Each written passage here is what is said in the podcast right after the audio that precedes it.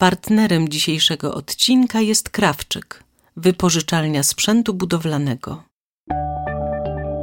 Praktycznie BHP, czyli ludzkim głosem o bezpieczeństwie i higienie pracy w Twojej firmie. Wypadki przy pracy, ergonomia, obowiązki i odpowiedzialność pracodawcy, kontrola Państwowej Inspekcji Pracy. Jednym słowem, wszystko, czym nie masz czasu się zajmować.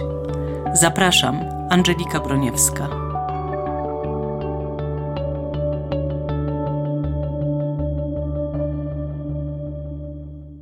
Dzień dobry Państwu. Naszym gościem jest pan Michał Król, główny specjalista do spraw BHP.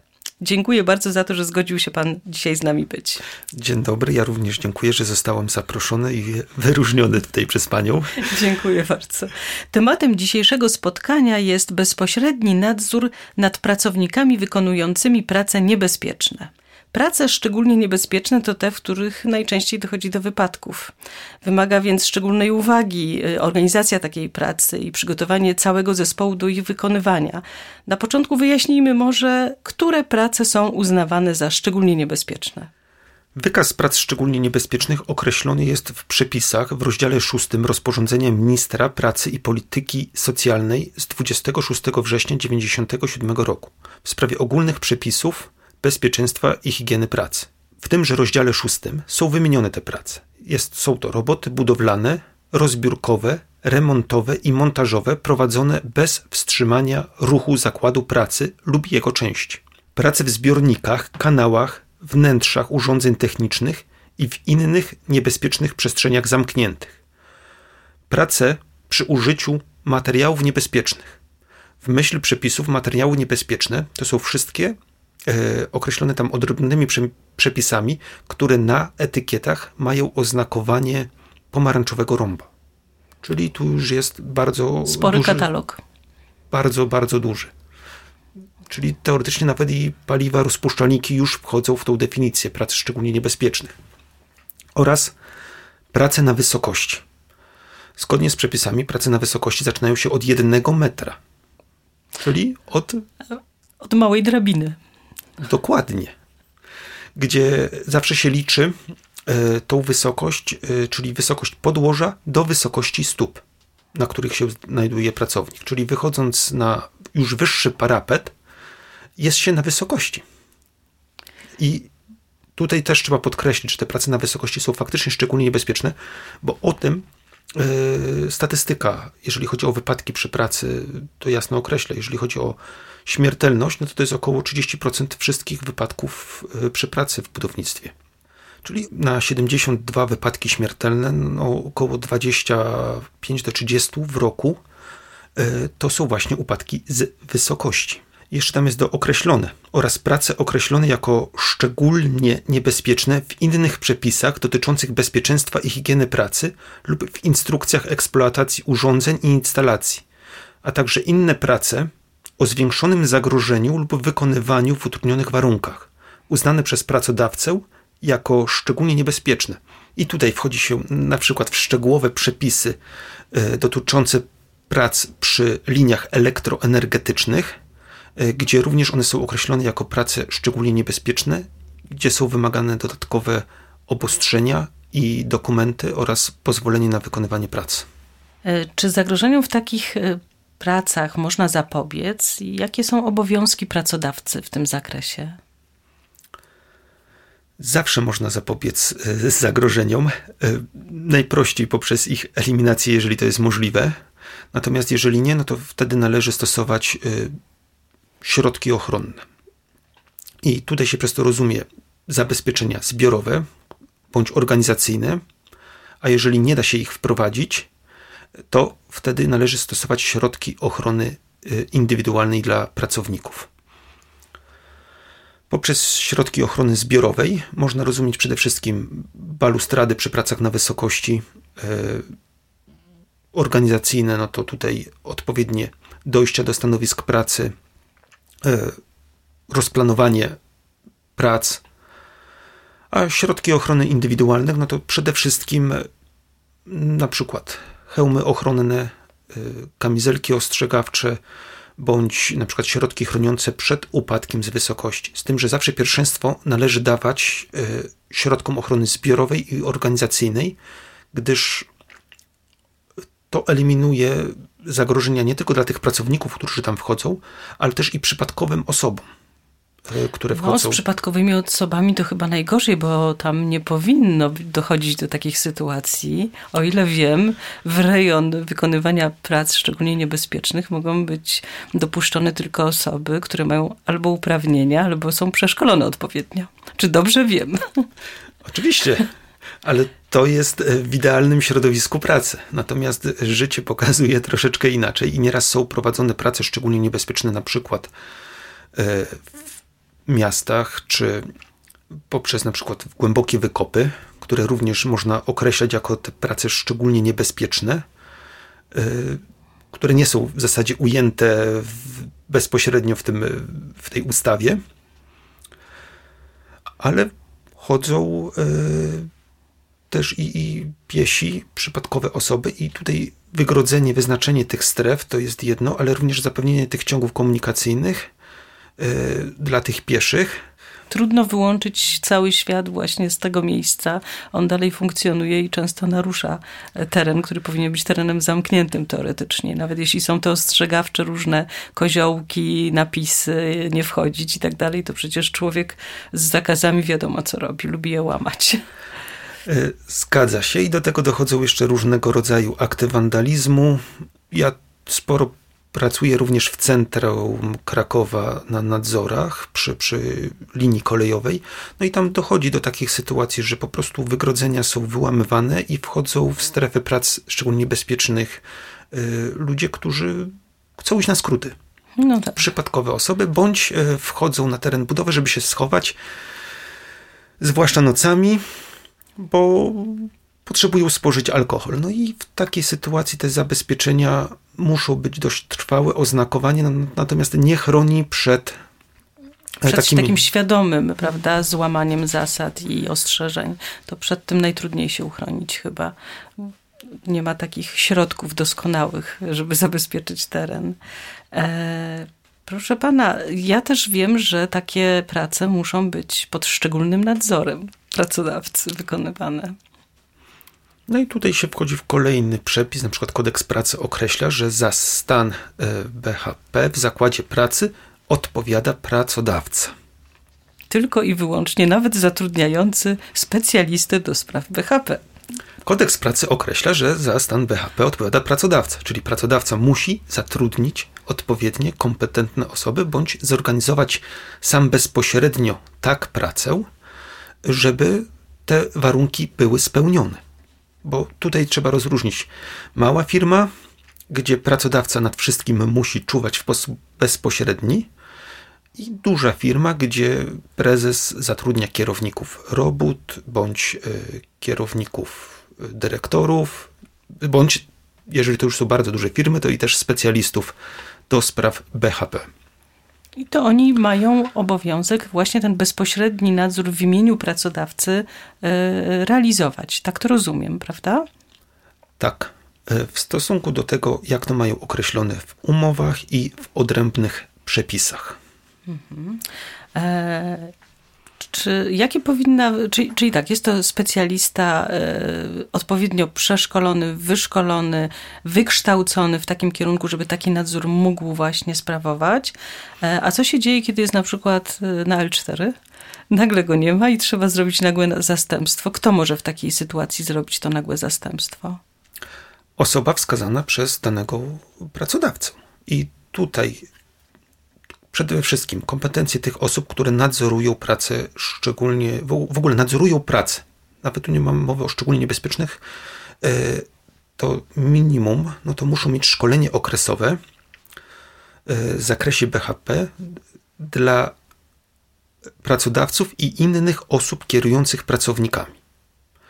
Taka osoba może wydawać polecenia wykonania jakichś konkretnych robót. W zasadzie każdej, w tym i prac szczególnie niebezpiecznych. Natomiast jeżeli wchodzimy w prace szczególnie niebezpieczne, czyli na przykład prace przy y, sieciach elektroenergetycznych, no to tu już jest dookreślone, że taka osoba musi mieć na przykład uprawnienia sepowskie do pracy przy określonej linii elektroenergetycznej. A czy może to być pracownik innej firmy, który będzie w, wskazany przez pracodawcę do zarządzania właśnie takimi pracami, szczególnie niebezpiecznymi w organizacji? Jak najbardziej może być, tylko tutaj też jest potrzebna mm, odpowiednia umowa pomiędzy pracodawcą a tą osobą z zaznaczeniem, że pełni nadzór i odpowiedzialność nad jego pracownikami. To dość często jest spotykane, znaczy coraz częściej jest to spotykane w budownictwie, y, tak zwane umowy B2B dla kierowników robót. I częstym błędem bądź niedopatrzeniem obu stron to jest brak y, przekazania y, takiej odpowiedzialności w tej umowie nad pracownikami i pełnienia nadzoru. To, to musi być jasno i czytelnie sprecyzowane w odpowiedniej umowie. Kto bierze odpowiedzialność za bezpieczeństwo? Nie tylko na, za nadzór i bezpieczeństwo pracowników, tak? Dokładnie. Jak wygląda organizacja takich prac, szczególnie niebezpiecznych? Czy należy wydawać jakąś pisemną zgodę na wykonywanie tych prac i czy ona powinna jakieś szczególne elementy w sobie zawierać? Czy jest jakiś wzór, który należy stosować według ustawy, rozporządzenia? Wszystko zależy od rodzaju prowadzonych prac szczególnie niebezpiecznych gdyż prace przy liniach elektroenergetycznych określają przepisy dotyczące właśnie y, sieci linii elektroenergetycznych i tam są określone wzory w tej ustawie y, jako forma załącznika, jak to ma wyglądać. Podobnie praca y, przy czynnych liniach kolejowych też jest określone na przykład zasady wyłączenia napięcia, bądź y, prac y, przy włączonym napięciu i, są konkretne ku temu dokumenty. Natomiast mm, ogólnie prace szczególnie niebezpieczne powinny być zorganizowane zgodnie z rozporządzeniem w sprawie bezpiecznego i higienicznego wykonywania robót budowlanych. Rozporządzenie z 2003 roku określa, że ma być przygotowana instrukcja bezpiecznego wykonania robót budowlanych czyli popularna IBWR. I w tej IBWRC y, osoba, która organizuje pracę, czyli najczęściej kierownik robót, y, określa po kolei czynności, jakie będą wykonywane, przez kogo będą wykonywane, gdzie będą wykonywane, jakim sprzętem oraz kto będzie pełnił nadzór nad tymi pracami. Bo może spełnić sam nadzór bezpośrednio, może to na przykład zlecić majstrowi albo brygadziście, bądź określić, kto jaki y, rodzaj tego nadzoru będzie pełnił. Y, zgoda na wykonanie prac szczególnie niebezpiecznych bardzo często wymaga, i to wynika też z odrębnych przepisów, pisemne polecenie wykonania danej czynności, czyli y, osoba, która organizuje tę pracę, czyli najczęściej kierownik robót, pisemnie wskazuje konkretną osobę na wykonanie określonej czynności. I tutaj e, ta osoba również pełni bezpośredni nadzór nad tymi pracami, bądź wskazuje osobę, która będzie ten e, nadzór pełniła. Jak to powinno wyglądać w małej firmie? Mamy firmę, która robi remonty, zatrudnia 10 osób e, i najczęściej właściciel tej firmy, pracodawca jest na dwóch, trzech obiektach jednocześnie, biega pomiędzy jednym i drugim, nadzoruje pracę i powinien de facto wręczać pisemne polecenie wykonania określonych prac e, pracownikom danego dnia. Jeżeli są wykonywane prace szczególnie bezpieczne, czy tu na przykład taka typowa praca, roboty dekarskie, układanie dachów, gdzie to jest charakteryzowane jako praca szczególnie bezpieczna. To tutaj taki pracodawca nie jest w stanie być fizycznie na kilku obiektach równocześnie i do tego jeszcze zapewnić zaopatrzenie e, dla pracowników, musi jeździć pomiędzy tymi budowami, przewozić sprzęty. Stąd w każdej grupie powinna być wyznaczona osoba do kierowania pracownikami jako brygadzista, taka osoba powinna przejść szkolenie dla pracodawców i innych osób kierujących pracownikami i tak, tego rodzaju y, pracę wtedy prowadzi i nadzoruje. Ponadto y, pracodawca w takim sytuacji powinien przygotować instrukcję bezpiecznego przygotowania robót budowlanych.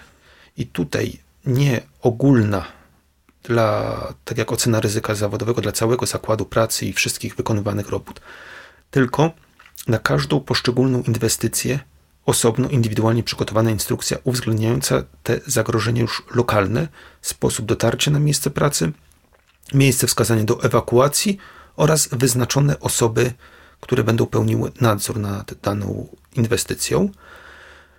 E, z tą instrukcją każdy z pracowników musi być zapoznany i tutaj też najlepiej, żeby był zapoznany dowodnie, czyli własnoręcznym podpisem oraz przed każdym dniem pracy albo pracodawca, albo brygadzista prowadzi tak zwany instruktaż y, dzienny, czyli przed przystąpieniem do pracy tłumaczy najważniejsze zasady, co będą danego dnia robić, jakie środki ochrony zbiorowej będą zastosowane, jakie będą zastosowane środki ochrony indywidualnej dla pracowników.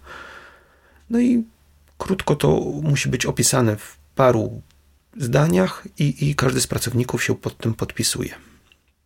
Wyobraźmy sobie, że e, rzeczywiście wszyscy się postarali, pracodawca przygotował pracowników, e, wszyscy są poinstruowani, ale jednak do wypadku dochodzi. Kto wówczas jest winny? Pracodawca, pracownik? Rozkłada się to czasami jakoś? Jak to wy wygląda w Pana praktyce zawodowej? Każdy wypadek jest badany indywidualnie. Jest tworzony protokół powypadkowy na okoliczności zbadania okoliczności i przyczyn wypadku. I tutaj każdy pracodawca jest zobowiązany właśnie do powołania zespołu powypadkowego, który ten wypadek bada i wskazuje przyczyny tego wypadku. I w zależności co ten zespół wskaże, chyba że to jest wypadek ciężki, śmiertelny lub zbiorowy, to wtedy dodatkowo pracodawca ma obowiązek o tym poinformować Państwową Inspekcję Pracy, który prowadzi odrębne postępowanie oraz prokuratora, który również prowadzi postępowanie w tej sprawie.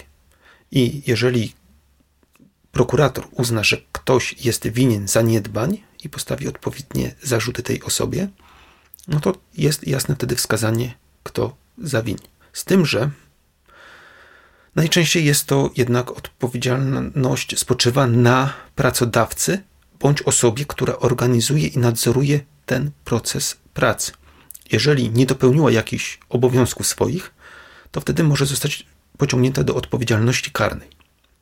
Jeżeli to zawinił któryś ze współpracowników poprzez niedopełnienie swoich obowiązków, no to on również może być pociągnięty do odpowiedzialności karnej. I tutaj trudno wskazać zawsze jednoznacznie osobę, gdyż mm, dużo zależy od interpretacji danego zdarzenia przez osobę, która to bada. I mojej praktyce już się spotykałem z takimi rzeczami, że, e, że wina została zrzucana również i na pracownika. No, z reguły tak jest przy wypadkach e, śmiertelnych, bo pracownik ten się już nie może bronić. No właśnie badania mówią, że ponad 60% pracowników e, jest, przyczynia się do tych wypadków przez swoją e, niedbałość w wykonywaniu e, pracy i zabezpieczaniu się. No, takie badania, no oczywiście wierzę, że były z dobrą wiarą przeprowadzone, jednak wydaje mi się, że zawsze troszeczkę też odpowiada pracodawca bardziej. Ja jako praktyk, ja się jestem skłonny uwierzyć tym badaniu. Naprawdę? Tak. E, z, z reguły najsłabszy jest czynnik ludzki i e, indywidualne błędy pracownika, jego nieświadomość bądź lekceważenie zagrożenia powodują e, właśnie bardzo często wypadki. Choć do tych czynników ludzkich ja bym też podciągnął niedopełnienie obowiązków przez nadzór czyli osoby bezpośrednio odpowiadające za tych pracowników. No i tutaj się rodzi wtedy pełen obraz.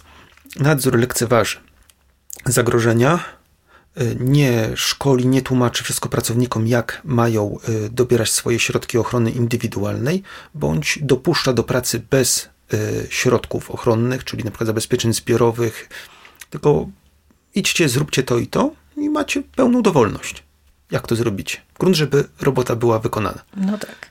Cele muszą być osiągnięte, ale to nie zmienia faktu, że cały czas powinniśmy myśleć o bezpieczeństwie.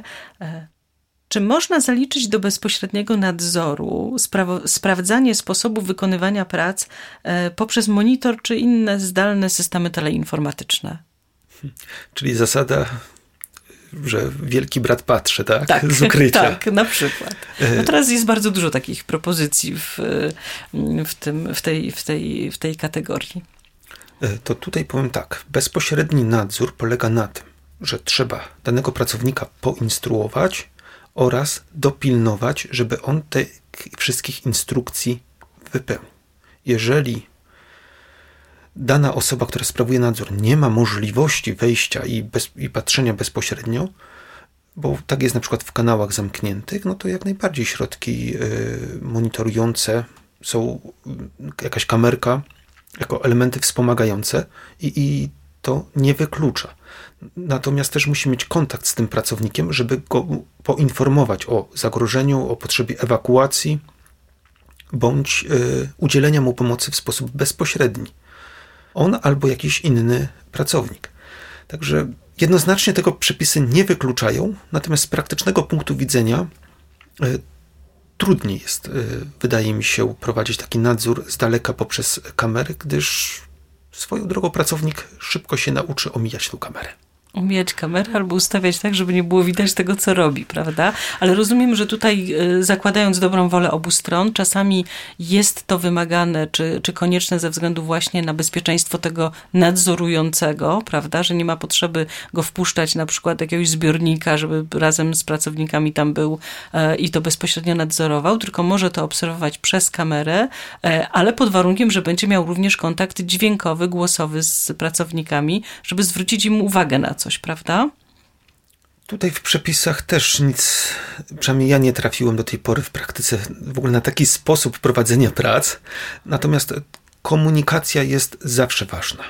I osoba nadzorująca powinna mieć komunikację z podległymi pracownikami. No i jeżeli jest określone w przepisach czy wewnętrznych rozporządzeniach, że ma być bezpośredni nadzór, no to on musi mieć jednak z nimi kontakt bezpośredni kontakt, żeby móc właśnie e, modyfikować ich pracę, prawda? Bo to głównie o to chodzi, żeby zwrócić im uwagę na niebezpieczeństwo, niewłaściwe zachowanie lub niezachowanie właśnie jakichś środków bezpieczeństwa, e, wykonując tę pracę. Zgadza się. Pracodawca ustala zasady, instrukcje wykonywania tych prac szczególnie niebezpiecznych, ale są to zasady, które jakby należy z założenia traktować jako wadliwe, jako nieidealne. E, należy ciągle e, sprawdzać, czy czegoś nie można poprawić. Jak to wygląda w praktyce? Czy rzeczywiście pracodawcy e, są aktywni w tym i starają się ciągle sprawdzać, czy dobrze działa ich instrukcja i wykonywania tych prac, szczególnie niebezpiecznych, czy czekają na zdarzenie potencjalnie wypadkowe lub na wypadek wręcz, żeby zacząć się tym interesować? Z reguły to drugie. Dopiero jak jest jakiś skutek, ktoś ucierpi, bądź jest sytuacja taka, że, że coś na przykład spadło z tej wysokości, to wtedy zaczyna się myślenie, co poszło nie tak. Choć też i zdarza się tak, że, że pracują dalej, ok, nic się nikomu nie stało, jedziemy dalej z materiałem. Bądź jeżeli jest jakaś kontrola, czy to inspekcji pracy, czy wewnątrz zakładowo, na przykład przez specjalistę do spraw BHP i wskaże, no to wtedy jest po części zmuszony taki pracodawca do weryfikacji y, swojego postępowania, instrukcji i naniesienia tam poprawek. No ale w idealnej sytuacji powinniśmy ten proces cały czas nadzorować, być czujni i starać się go poprawiać, szczególnie na przykład, kiedy wprowadzamy jakąś nową maszynę, nowe rozwiązanie, nową, przeorganizowujemy troszeczkę tą pracę, to powinniśmy natychmiast jeszcze raz przeanalizować całą, yy, całą sprawę od strony bezpieczeństwa, prawda? Oczywiście. I to jest właśnie wymóg pracodawcy, czyli oceniać to ryzyko, które jest. Jeżeli wprowadzamy nowe urządzenie, to pracodawca ma obowiązek y, dostosować go do obecnych instrukcji, ewentualnie zrobić poprawkę w tych instrukcjach. Tutaj na przykład się mogę odnieść do planu BIOS, czyli bezpieczeństwa i ochrony zdrowia. To dotyczy robót budowlanych Jeżeli dojdą jakieś dodatkowe prace, no to tu jest wymagany aneks do planu PIOS bądź e, karta aktualizacji uwzględniająca nowy zakres prac, nowe czynniki czy nowe zagrożenia, które, które się pojawiają. Na koniec naszego spotkania, czy mógłby Pan opowiedzieć o jakimś wypadku przy pracach szczególnie niebezpiecznych, z jakim się spotkał Pan w swojej karierze zawodowej?